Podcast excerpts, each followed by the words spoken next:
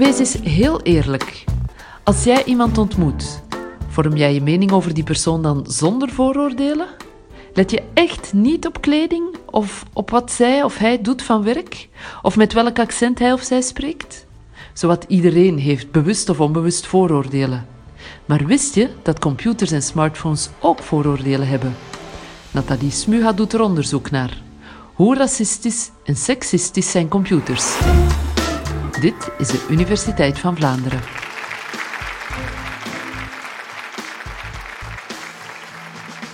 Ik wil het met jullie hebben over kunstmatige of artificiële intelligentie, een verzamelnaam voor allerlei slimme systemen. En om te beginnen wil ik het met jullie hebben over één specifieke AI-techniek, namelijk gezichtsherkenningssoftware. Je gebruikt dat misschien al om je telefoon te ontgrendelen, of misschien heb je het al meegemaakt op de luchthaven dat je gezicht werd gescand om de poortjes naar de douane open te doen. En om te beginnen wil ik jullie een video laten zien. Hi camera, I've got a face. Can you see my face? In deze video zag je onderzoekster Joy Bolambini. Zij studeerde aan de prestigieuze Amerikaanse universiteit MIT toen ze erachter kwam dat gezichtsherkenningssoftware haar eigen gezicht niet herkende. Behalve... Well, I've got a mask. Can you see my mask? Wanneer ze een wit masker opzette. En ze besloot hier verder in te duiken en onderzocht de gezichtsherkenningssoftware van grote spelers zoals Microsoft, IBM en Amazon. En wat ontdekte ze? Die software werkte redelijk goed bij mannen met een witte huidskleur. Bij vrouwen met een witte huidskleur iets minder. Mannen met een donkere huidskleur nog iets minder. Maar het slechtst van al werkte die bij vrouwen met een donkere huidskleur. Hoe komt dit nu? Waarom doet die gezichtsherkenningssoftware het zoveel minder goed bij vrouwen met een donkerdere huidskleur? Wel, dat komt omdat gezichtsherkenningssoftware wordt gemaakt door er grote hoeveelheden data in te voeren, namelijk voorbeelden van gezichten. En zo gaat die computer leren om gezichten te herkennen. Nu, het probleem is dat de datasets waarop de computer getraind wordt vooral voorbeelden bevat van mannen met een witte huidskleur. Die komen nu eenmaal vaker voor in de media of op het nieuws. Vrouwen, en al helemaal donkerdere vrouwen, komen daar amper voor. En de computer leert hun dan ook minder goed herkennen. Het is natuurlijk erg vervelend als die groep daardoor minder goed hun telefoon kan ontgrendelen. Maar het is al helemaal problematisch als de politie zo'n software gebruikt om criminelen op te sporen op straat. Het is niet eerlijk dat er meer fouten worden gemaakt bij mensen met een donkerdere huidskleur. Die worden dan vaker ten onrechte eruit gepikt en opgepakt. Dit gebeurt al in de VS, maar ook in Europa zijn er al meer dan tien landen die met zulke software experimenteren. In Londen bijvoorbeeld gebruikt de politie de software om winkelende voorbijgangers te filmen op straat en te zien of er criminelen tussen zitten. Ook in Brussel werd dit even gebruikt op de luchthaven. En in Nederland gebruikt de politie het alvast op politiekantoor. Ik ben jurist en filosoof en ik verdiep me in het ethiek en recht van artificiële intelligentie en nieuwe technologieën. Ik bekijk welke impact ze hebben op onze grondrechten en bestudeer welke wetten we nodig hebben om ons hiertegen te beschermen. We weten allemaal dat mensen bepaalde vooroordelen hebben en die kunnen goed of slecht zijn, bewust of onbewust. Maar soms gaan we ons door die vooroordelen laten leiden. Bijvoorbeeld als we een job aan iemand moeten geven of een pand aan iemand moeten verhuren. Zo kan het zijn dat we bijvoorbeeld eerder geneigd gaan zijn om een job te geven aan iemand die van dezelfde universiteit als wij is afgestudeerd. En in bepaalde gevallen kan dit leiden tot discriminatie. Als een andere kandidaat beter is voor de job, dan zal het helemaal niet mogen uitmaken van welke universiteit hij is afgestudeerd. Dat criterium is niet relevant.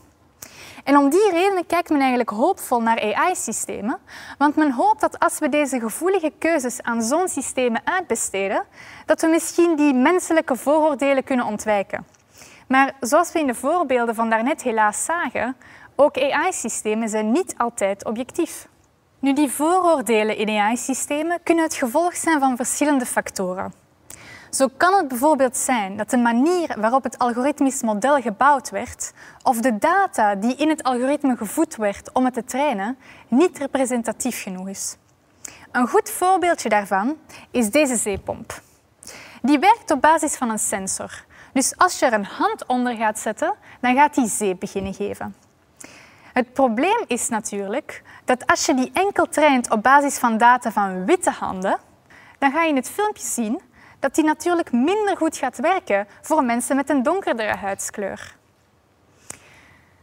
Een andere oorzaak van AI-discriminatie is wanneer er gebruik wordt gemaakt van een zogenaamde proxy. Ik ga jullie uitleggen wat dat is aan de hand van een voorbeeldje. Stel, je wilt krediet krijgen bij een bank, bijvoorbeeld een kredietkaart of een lening. Wel, dan gaat de bank eerst kijken naar je kredietwaardigheid. Maar kredietwaardigheid is iets dat moeilijk meetbaar is. Dus de bank gaat eigenlijk kijken naar allerlei elementen die je kredietwaardigheid kunnen aantonen. Bijvoorbeeld je bankrekening of je uitgavenpatronen. En op basis van die elementen zal er dan een beslissing worden genomen. Nu, heel belangrijk is dat zaken zoals geslacht of ras niet in aanmerking mogen worden genomen. Dat is verboden door antidiscriminatiewetgeving, want dat is niet relevant. En dat verbod geldt zowel als de beslissing wordt gemaakt door een bankbediende als door een algoritme. Nu, in 2019 lanceerde Apple een kredietkaart, de Apple Credit Card. En al na een tijdje ontstond commotie, want wat bleek?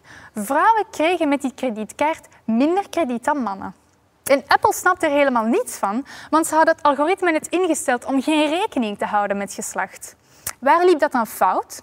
Wel, het algoritme hield geen rekening met geslacht, maar wel met gegevens die nauw samenhangen met geslacht. Aankoopgedrag bijvoorbeeld. Waar je shopt. Stel dat je bijvoorbeeld vaak schoenen koopt, of naar make-up winkels gaat, of BH's koopt. Ja, die gegevens kunnen aantonen dat je waarschijnlijk een vrouw bent. En het zijn die gegevens die met geslacht samenhangen, dus niet geslacht zelf, maar die andere gegevens die we eraan kunnen linken, dat noemen we proxies. En als het algoritme dan zulke proxies als criterium gebruikt, kan je toch nog discriminatie hebben tegen bepaalde groepen. En die proxies zien we ook op andere gebieden.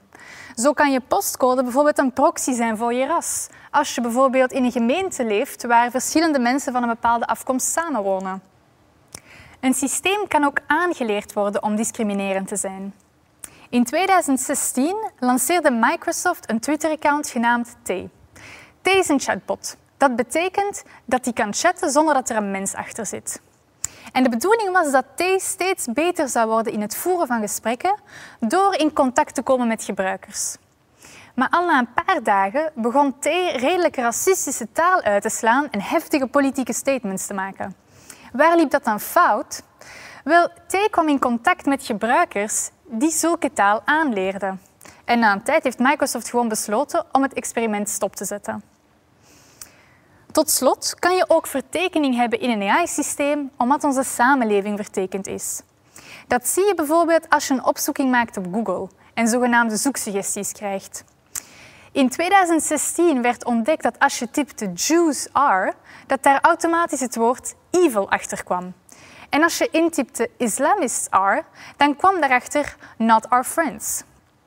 Nu, Google verdedigde zich door te zeggen: kijk, wij reflecteren gewoon wat mensen nu eenmaal intypen. Dat, dat zijn wij niet. Maar dat heeft natuurlijk wel een invloed, want heel veel mensen gebruiken die zoeksuggesties. En uiteindelijk heeft Google dan ook besloten om dit recht te zetten. Nu hoor ik je denken, dit alles is toch strafbaar? Discriminatie is toch verboden? Dat klopt. En mensen kunnen hun verantwoordelijkheid niet ontlopen door beslissingen te delegeren aan machines. Al helemaal niet als zo'n beslissing een belangrijke impact kan hebben op het leven van een individu. Maar het moeilijke is dat die systemen vaak niet transparant zijn. AI-systemen die gebaseerd zijn op deep learning, dat is een bepaalde AI-techniek die werkt op basis van grote hoeveelheden data waarin het systeem dan patronen gaat ontdekken. Wel, zo'n systemen noemen we ook wel black boxes. We noemen die zo omdat we niet goed weten hoe een bepaalde beslissing tot stand kwam. Of op basis van welke criteria die een beslissing nam. Zelfs ontwikkelaars weten dat eigenlijk niet.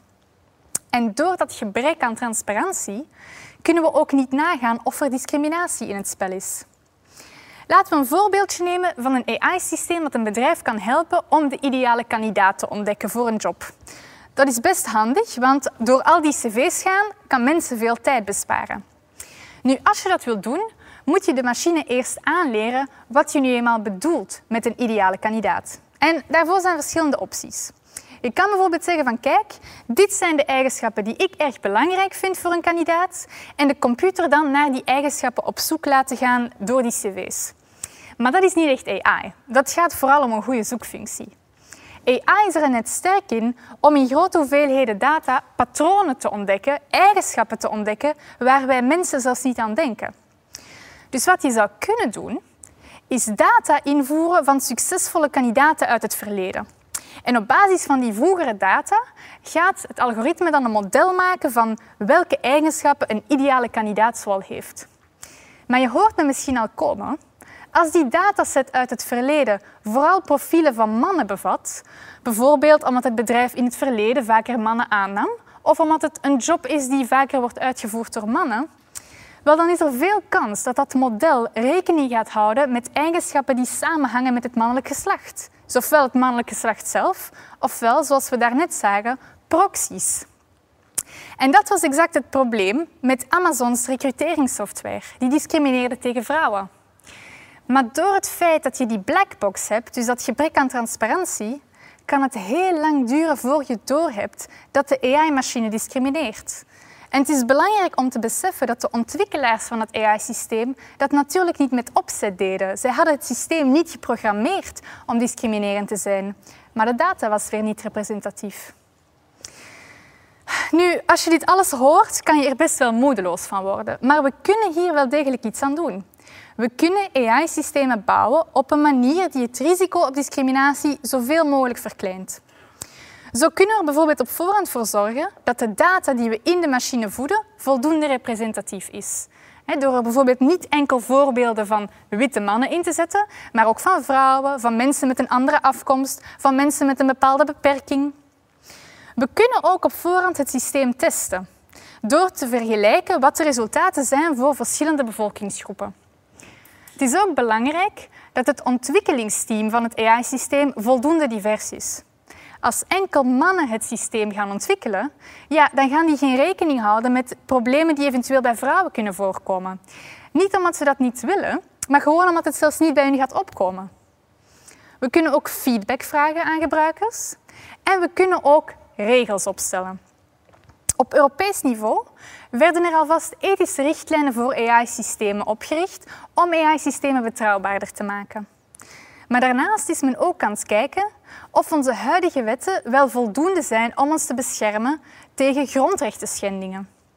Men overweegt bijvoorbeeld om ontwikkelaars te verplichten om meer informatie bekend te maken over het AI-systeem. Nu, daarmee lossen we het blackbox-probleem nog niet op, maar krijgen we wel al transparantie over bijvoorbeeld het doel van het AI-systeem of welke soort data erin werd gevoed en of het al dan niet getest werd op vooroordelen. Tot slot is het ook heel belangrijk dat als het misloopt, er steeds een mens de verantwoordelijkheid kan nemen en de fout kan rechtzetten. Nu, ook al hebben we dat allemaal gefixt, dan nog moeten we kritisch blijven kijken naar onze samenleving. AI fixen gaat onze samenleving nog niet fixen. Stel dat we het ideale AI-systeem hebben gemaakt om door die stapel cv's te gaan en de ideale jobkandidaat eruit te halen. En stel nu dat die effectief de beste kandidaat neemt, ook al komt hij uit een ander land. En dat het bedrijf daarna die kandidaat aanneemt. Wel, als die persoon dan toch nog op de werkvloer wordt gediscrimineerd, bijvoorbeeld door collega's, ja, dan gaat ons AI-systeem natuurlijk niet veel baten. Laten we even teruggaan naar de beginvraag van ons college. De slimme systemen die wij steeds vaker inzetten in zowat alle domeinen van onze samenleving, zijn niet immuun voor zaken zoals racisme en seksisme. Dat komt omdat ze een reflectie zijn van onze eigen samenleving en dus ook van de vooroordelen van onze samenleving. Het is belangrijk dat we hier oog voor houden en dat we AI-systemen bouwen niet op een manier die de samenleving weergeeft zoals ze is, maar op een manier die de samenleving weergeeft zoals ze zou moeten zijn. Ja, zelfs als je het niet wil, ben je onbewust wel eens racistisch. Frank van Overwallen van de VUB gaf hier ook een superinteressant college over. Zijn we allemaal racisten? En ik kan je nu al zeggen dat het antwoord ja is, maar dat je daar ook niet over moet panikeren. In dat college komt een proefje voor en je mag dat als kijker ook meedoen, maar daarom konden we er geen podcast van maken. Maar de video, die vind je op universiteitvanvlaanderen.be.